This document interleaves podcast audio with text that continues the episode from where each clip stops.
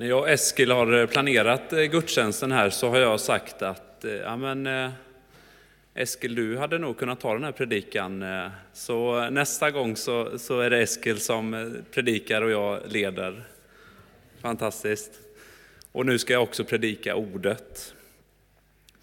När jag åkte hit idag så såg jag en fågel på vägen i Allingsås. En liten fågel som låg på vägen. Och runt den fågeln så såg jag två andra fåglar som var precis i anslutning till den fågeln. Kanske för att skydda, kanske för att lyfta bort fågeln, kanske kolla hur den mådde. En ganska fin bild av församlingen, tänker jag. Jag heter alltså Oskar och jag var tidigare pastor här i församlingen. Eh, och nu får jag förmånen att komma hit lite då och då och, eh, och träffa er och eh, säga några väl valda ord. Det är fantastiskt. Och temat för den här gudstjänsten är ju påskens vittnen. Så vi har påsken bakom oss. Här är ett tecken på påsken. Allt vad påsken rymmer, alla känslor som påsken rymmer, har vi bakom oss och med oss in idag. Och Johannes evangeliet som är den texten som vi kommer utgå från idag, är liksom, har som syfte att skapa tro. Att beskriva vem Jesus var, vad han gjorde och vilka han mötte. Och Johannes evangeliet är en vittnesskildring som vill beröra läsaren. Skapa ett intresse för Jesus och stärka relationen med honom. Ett vittne har ju som uppgift att eh, beskriva och berätta och bekräfta vad som har hänt. Så att vi alla får en större och mycket bredare bild. Flera olika personer kan beskriva exakt samma olycka, olycka på flera olika sätt. Och sen därefter så blir det polisens eller vems det är uppgift att samla ihop så mycket bilder, så mycket information som möjligt för att få en bild som är större och som är så nära sanningen som möjligt. Och när jag gick folkhögskola för ett ganska många år sedan nu så beskrev en lärare hur evangelierna var precis på det här sättet. Vittnesskildringar som belyser olika saker. Och att de belyser olika saker, att de skriver olika saker, gör bilden större och bredare.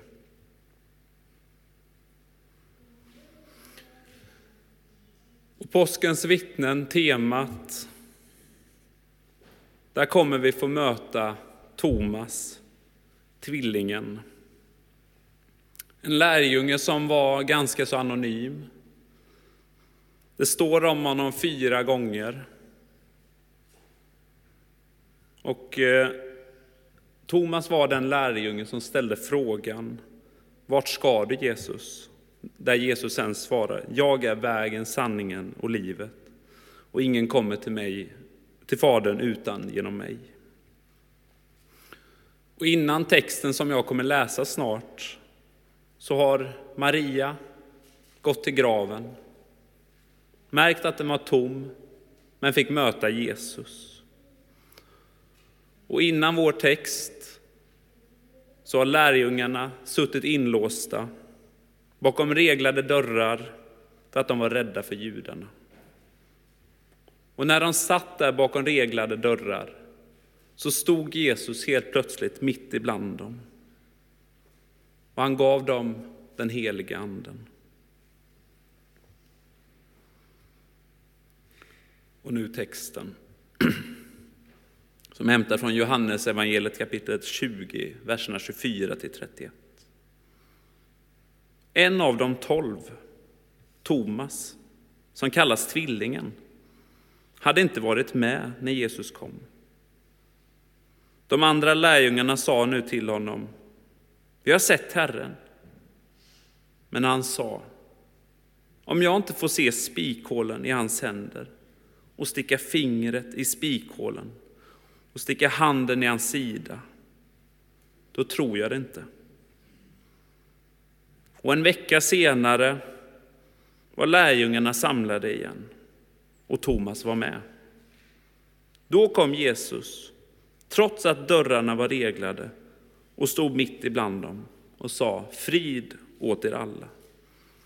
Och därefter sa han till Thomas, räck hit ditt finger, här är mina händer. Räck ut din hand och stick den i min sida. Tvivla inte, utan tro. Då svarade Thomas, min Herre och min Gud. Jesus sa till honom, du tror därför att du har sett mig. Saliga är de som inte har sett men ändå tror. Också många tecken som inte har tagits med i denna bok gjorde Jesus i sina lärjungars åsyn. Men dessa har upptecknats för att ni ska tro att Jesus är Messias, Guds son, och för att ni genom att tro ska ha ett liv i hans namn. Thomas, tvillingen, som blev Thomas tvivlaren i alla kyrkor. Thomas, den lärjungen som missade den stora grejen, att Jesus var uppstånden. Thomas, den lärjungen som hade svårt att helt ta in och tro vad som hade hänt.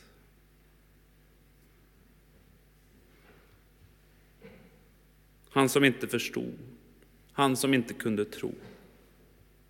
Thomas har fått höra mycket. Men vad var det som gjorde att Thomas inte var med de andra lärjungarna, tänker jag. Vad var det som gjorde att han inte satt där instängd med de andra lärjungarna? Vad gjorde han egentligen? Det, går, det framgår ju dessvärre inte i, i vår text vad han gjorde. Men ändå roligt att leka med tanken. Vad var det som skilde åt honom från övriga? Tänk om det var så att han var ute på gator och torg och berättade vad Jesus hade gjort. Tänk om det var så att han hjälpte fattiga och sjuka. Eller tänk om han bara var ute och köpte mat till de andra lärjungarna. Vi vet inte. Ett sätt att läsa Bibeln på, och som jag tycker är ganska bra, det är att tänka att det här är Bibeln. Det är det vi har att förhålla oss till. Och det består av just de här böckerna. Att liksom läsa det på ett utforskande och nyfiket sätt. Istället för att tänka, är det möjligt eller är det omöjligt? Texterna finns i Bibeln. Varför då? Varför tog man inte bort den här texten? För det är också så att man historiskt i kyrkomöten har beslutat om vilka delar som ska vara med i Bibeln och vilka delar som inte ska vara med i Bibeln. Och med helig ande så har man landat i att det här är det som blir vår bibel. Den bibeln vi har att förhålla oss till idag.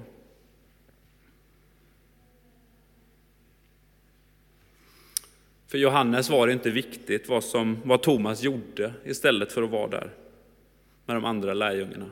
Jag har glömt säga det här nu, jag pausar här nu. Det finns lite målargrejer om man är barn och vill, eh, vill leka lite och, och känner att det spritter lite. Även vuxna eh, kan, få, kan det spritta lite och då får man jättegärna sitta i gemenskapen och måla och ändå lyssna lite. Det skulle jag sagt i början. Och jag skulle också sagt att det inte var söndagsklubben idag. Men nu säger jag det, ursäkta.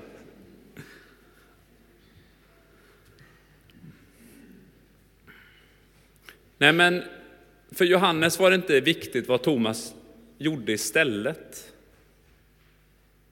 Utan det viktiga var ju att Johannes tog med Thomas för att det skulle symbolisera någonting. Thomas fick symbolisera och representera alla oss som inte var där. Han fick representera alla oss som inte såg att Jesus uppstod. Och jag tänker att rimligtvis så borde det vara så att människor ställde frågor då som nu och ifrågasatte om det verkligen var Jesus. Ena stunden så var Jesus i en grav. Andra stunden var Jesus i ett hus. Ena stunden var Jesu död. Ena stunden var Jesu uppstånden och levde. Det Thomas och det Johannes gör är att de kastar ljuset på de här frågorna. Istället för att sopa frågorna under mattan så tar de tag i frågorna. Thomas hade ju kunnat sitta där tyst och inte säga någonting. Thomas hade ju kunnat sitta där och bara nicka och hålla med. Istället säger han, om jag inte får sticka mitt finger i såret så tror jag inte. När vi planerade den här gudstjänsten så frågade Eskil, är det en synd att tvivla? Och det här är en bra fråga och en fråga som inte har ett svar. Om vi tänker att synd är att missa målet, att komma längre bort ifrån Gud. Är vi då inne i en period där vi helt viftar bort Gud? Vi tvivlar. Vi konstaterar att Gud inte finns och vi lever på ett sådant sätt. Vi förnekar vår uppväxt, vi förnekar våra upplevelser. Vi talar illa om församlingen, vi talar illa om Gud. Fastnar vi i det så skulle inte jag i alla fall säga att det för oss närmre Gud. Och jag skulle inte säga att vi helt träffar målet, utan att vi faktiskt missar målet, att ha en relation med Gud. Alltså, det skulle kunna räknas som en synd. Men när jag googlade synonymer till tvivla så fick jag fram ord som att vara osäker eller att ifrågasätta. Får det mig att missa målet? Får det mig längre bort ifrån Gud att vara osäker eller ifrågasätta? Nej, det gör det inte. Snarare tvärtom. Vad hade egentligen hänt om vi var helt tvärsäkra? Vad hade hänt om vi inte hade ifrågasatt? Vi som kristna, enskilda och individer och grupp.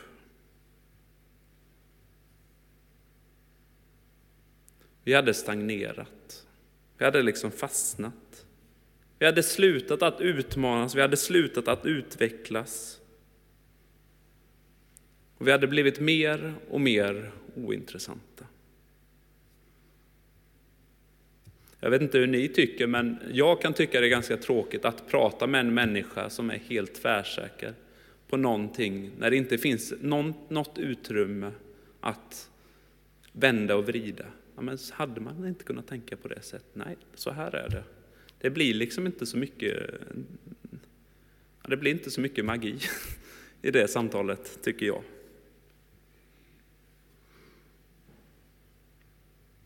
När vi använder oss av frågorna så är vi en kyrka som är på väg, som är i rörelse. Vi har ett forskande synsätt på livet, på oss själva, vår tro, vår kyrka och vår gemenskap.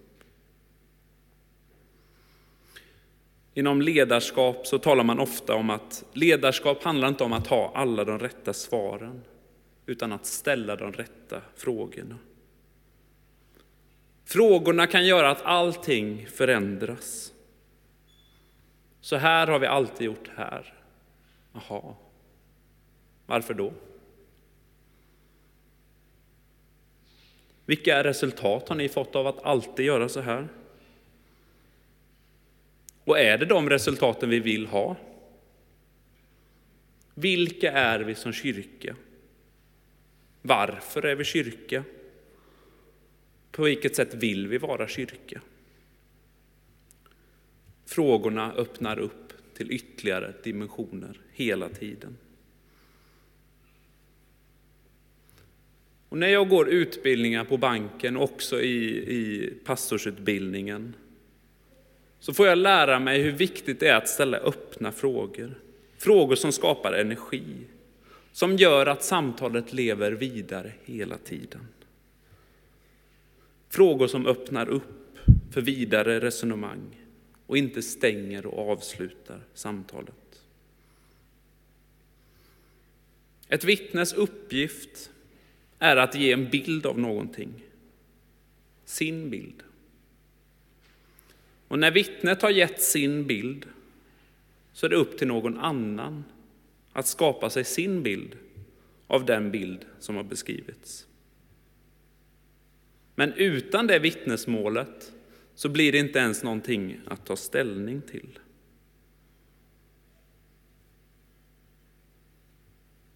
Hur och vad vi säger kommer såklart vara olika. Våra berättelser är olika. Men något måste vi ändå säga. Och när vi säger någonting eller när vi gör någonting så blir vi påskens vittnen. Vi blir Jesu vittnen som berättar om honom utan att ha färdiga sanningar och dolda agendor. Då händer det någonting. Då sätts en boll i rullning. Och precis som Eskil sa så handlar det inte om orden bara. Det handlar om att göra. Hur jag möter människor. Vad jag gör i vår värld, i vårt samhälle. Hur vi behandlar oss själva. När jag är på banken så är min bakgrund ganska annorlunda mot många andra i banken.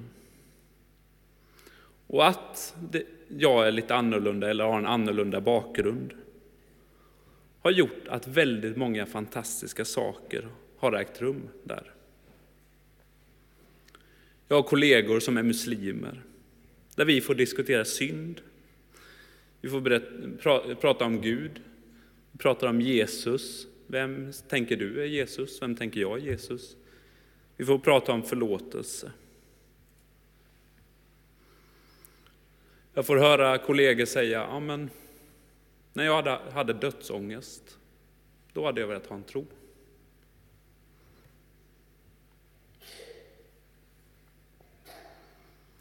Och det är till och med så att jag har fått viga en kollega. Att få prata om att vi kan älska för att vi först har blivit älskade.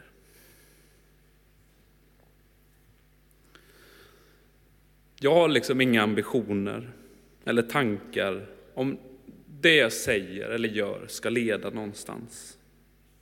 Jag har inga dolda agender. Jag har inte någon tanke om att alla ska bli kristna. Det som blir, det blir, tänker jag. Och det som inte blir, det blir inte. Men det jag har ambitioner av är att vara sann. Sann mot mina kollegor, sann mot mig själv och sann mot Gud.